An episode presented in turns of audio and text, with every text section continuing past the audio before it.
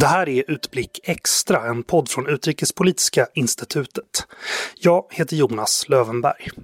I det här avsnittet undrar jag hur ett svenskt medlemskap i NATO kommer att påverka vår relation till Ryssland och även andra delar av världen. Martin Krag, biträdande chef vid Centrum för Östeuropastudier på Utrikespolitiska institutet. Ryssland vill som bekant inte se en utvidgning av NATO.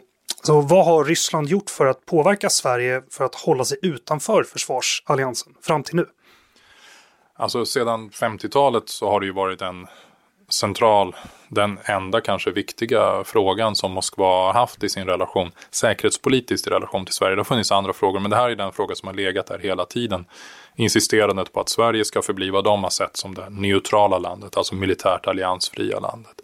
Eh, och det har man ju då gjort genom att påminna om att det här är ett sovjetiskt eller senare ryskt politiskt önskemål. Man har tagit upp det i de diplomatiska relationerna.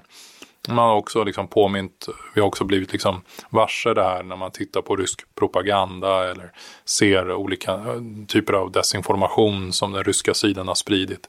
Eh, och man kan också se att det ibland att i tider då Sverige har liksom diskuterat ett närmande till NATO som 2016 när vi undertecknade det här värdlandsavtalet med NATO. Då såg vi att den här aktiviteten mot Sverige ökade något kränkningar av svenskt luftrum, eh, cyberattacker eller desinformation. Och Finland å sin sida, de har sett liknande verktygslåda som liksom används då. Hade Ryssland kunnat förutse Sveriges och Finlands villighet att söka medlemskap i NATO utifrån kriget de har startat i Ukraina? Har de gjort en felbedömning här? Nej, men jag tror inte de här aspekterna har vägts in. Um, utan vad vi nu ser är ju eh, liksom, ja, oförutsägbara konsekvenser av, av ett krig som inte alls har gått på det sättet Putin trodde det skulle. Hans, I hans föreställningsvärld så skulle ju Ukraina ha fallit inom loppet av några dagar och den ryska militären välkomnas i Kiev som befriarna från den här eh, nazistiska oket som han har övertygat sig om eh, styr i Ukraina och, och därför så fanns de här andra aspekterna vi nu ser som då irriterar den ryska sidan. Exempelvis att Sverige och Finland eh, ansöker om medlemskap i NATO. Det, det är någonting som de inte utgick från. Och det intressanta är ju också att, för jag menar, för tre eller sex månader sedan, det var inte en fråga heller i varken Stockholm eller Helsingfors. Vad kommer vi få se för reaktioner då från ryskt håll när ansökan väl är inlämnad? Jag tror inte man ska överdriva eh, den ryska reaktionen eh, på medellång eller lång sikt. Man kommer att anpassa sig efter ett nytt läge. Givetvis eh, Östersjöns eh, liksom säkerhetspolitiska eh, form eh, ser nu annorlunda ut. NATO blir mer så att säga framträdande i den här delen av Europa. Men Eh, Eh, NATO har ju utvidgats i ett antal tillfällen sedan 90-talet. På, först med Polen, Tjeckien och Slovakien, senare de baltiska staterna, senare andra stater som Nordmakedonien och Montenegro här bara för några år sedan. Och, och, varje gång har vi sett liknande reaktioner från Moskva, att man ser det här som ett hot som de ser som ett hot mot sina säkerhetsintressen. Men så går det en tid och och, och, man kan se att Ryssland egentligen inte har förändrat allt för mycket. Menar, den här militariseringen vi har sett i Östersjön från rysk sida, den har ju pågått i 20 år. Så när de hotar med att öka sin militära närvaro, ja, men då är ju redan det, det är ju en del av det nya normalläget vi redan är vana vid så att säga sedan länge. Och, och samma sak när de hotar om kärnvapen det har vi också hört nu i flera års tid. Och, och, så det här är ju liksom, det finns ju också en, det finns en retorik men sen finns det en, en realitet, en, en, säga, vad Ryssland gör i praktiken och de sakerna är inte nödvändigtvis helt överensstämmande. Och så hur kommer vår relation till Ryssland bli då framöver, förutsatt att vi går med i NATO? Det finns länder som är medlemmar i NATO som har haft uh, relativt, fram till nyligen, relativt eh, stabila relationer med Moskva. Ehm, med Norge och, Tyskland exempelvis är två länder som har haft eh, långvariga relationer på olika sätt med, med, med, med den ryska motparterna. Och, eh, du har haft länder som Finland som har förblivit utanför NATO då fram till relativt nyligen då när man ansöker om medlemskap men som under lång tid har haft också en förmåga till dialog med den ryska sidan även i tider av stress och, och konflikt. Och jag, jag, tror att Finland säkert kan fortsätta ha den rollen. Så NATO-medlemskap behöver inte betyda för mycket utan det styrs mycket av vilka överväganden man gör både i den i sådana fall både på den svenska eller ryska sidan och vilka, vilken eh, liksom, väg man är beredd att acceptera för att ha en relation.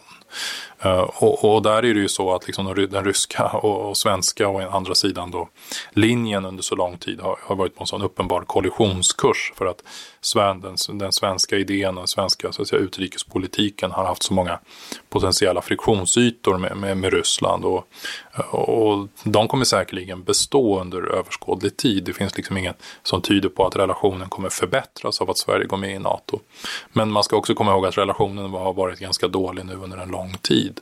Eh, historiskt så har vi ju som bäst kunnat hoppas på en slags normalitet i relationerna. Men eh, sista tio åren eller mer så, så har ju relationen varit ganska antagonistisk och präglad av olika missämjor och, och problem då som de båda sidorna uppfattar. Jag heter Jakob Hallgren och jag är direktör för det utrikespolitiska institutet. Sverige verkar närma sig ett NATO-medlemskap i snabb takt. Ehm, så jag måste fråga, vad har Sverige att vinna på ett NATO-medlemskap?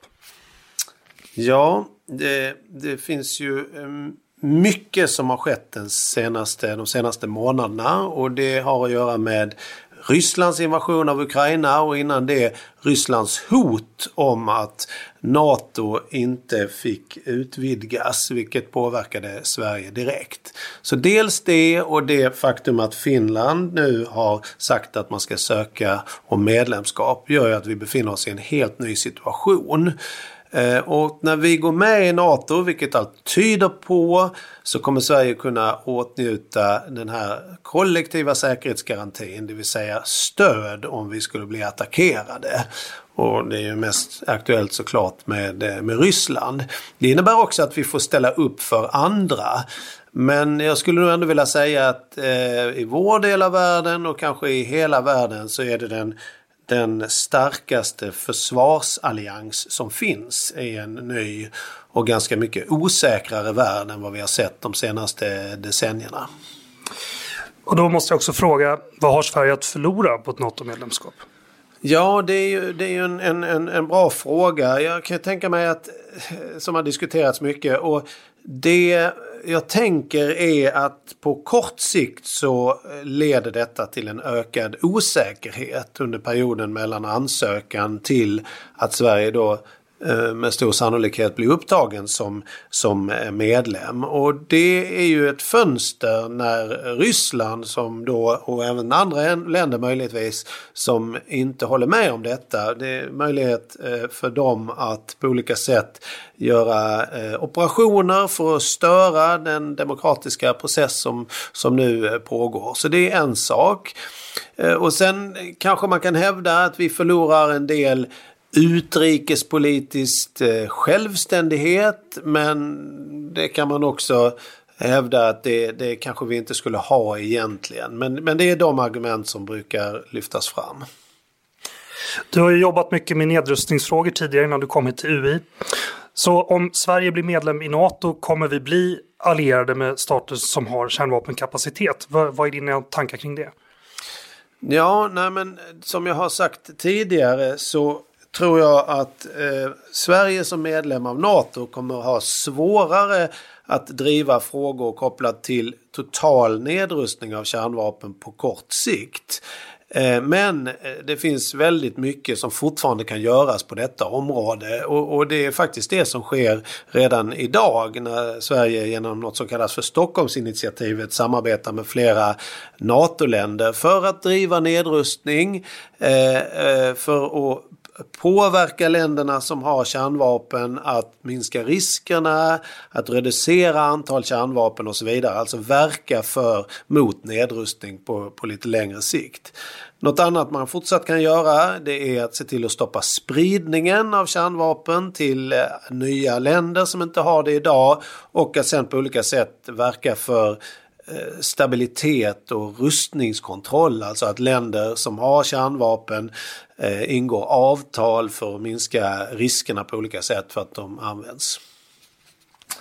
Vi har ju de senaste dagarna pratat mycket om hur Sverige ser på ett NATO-medlemskap och vi har också funderat på hur Ryssland ser på ett NATO-medlemskap. Men våra grannar runt Östersjön och NATO i stort, vad, hur ser de på Sverige som ny medlem i NATO?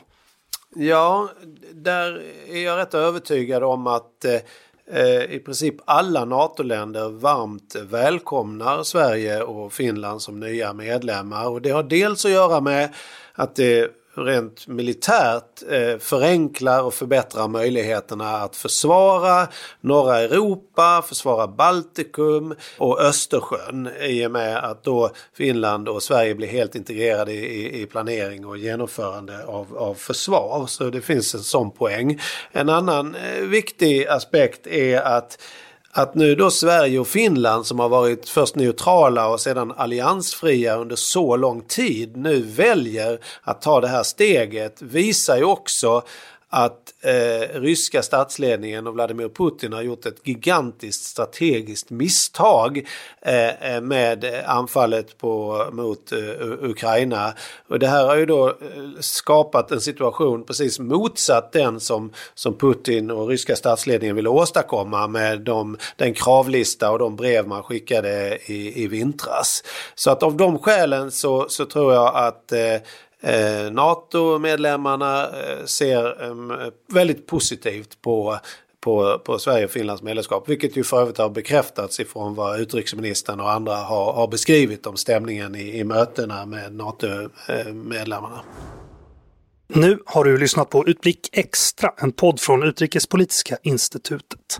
Glöm inte att lyssna på vår ordinarie utgivning av Utblick och glöm heller inte att trycka på prenumerera-knappen i appen där du lyssnar på oss. Mer om UIs arbete hittar du på ui.se. Jag heter Jonas Lövenberg. På återhörande.